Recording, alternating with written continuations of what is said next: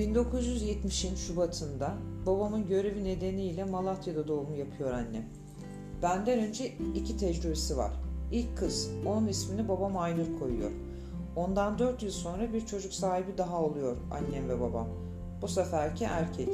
Babamdan 8 yaş büyük amcam ismini Ayhan koymak istiyor.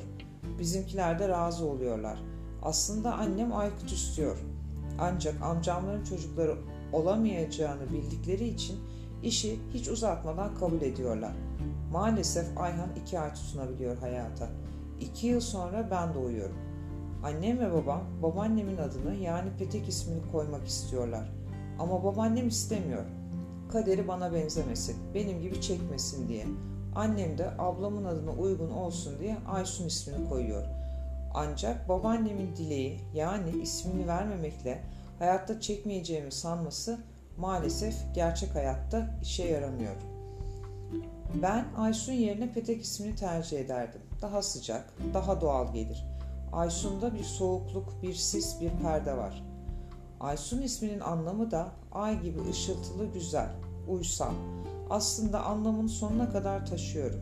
Evet, ayın enteresan gizemli bir güzelliği var. Baktıkça büyüler insanı. Ancak karanlıkta kalan kısmında hep bir şeyler saklıyor gibi gelir ve hiçbir zaman o yüzünü göstermez bize.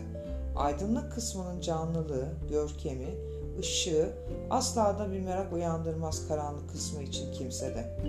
İkinci anlamı olan uysallığı dibine kadar taşıyorum. Bunu şimdi fark ettim. Demek gerçekten insanlar isimlerini yaşıyorlarmış. Çok garip. Çünkü hiç inanmazdım.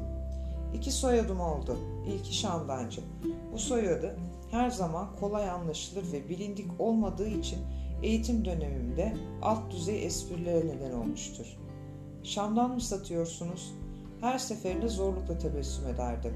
Bu soyadı insan olduğumu hissettirir. Biyolojik anlamda değil tabi bu his. Sağlam duruşu olan insana has.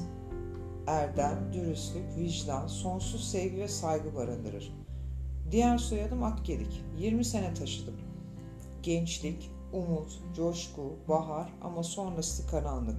Dipsiz kuyu. 4 sene önce Şamdancı oldum yine. Akgedik olduğum günler fotoğraf kareleri gibi şu an.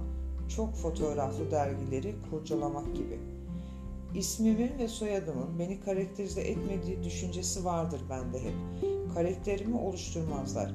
Sadece yaşadıklarımızla ismimiz ve soyadımıza bir duygu yükleyip öyle hissetmeyi tercih ediyormuşuz gibi gelir bana.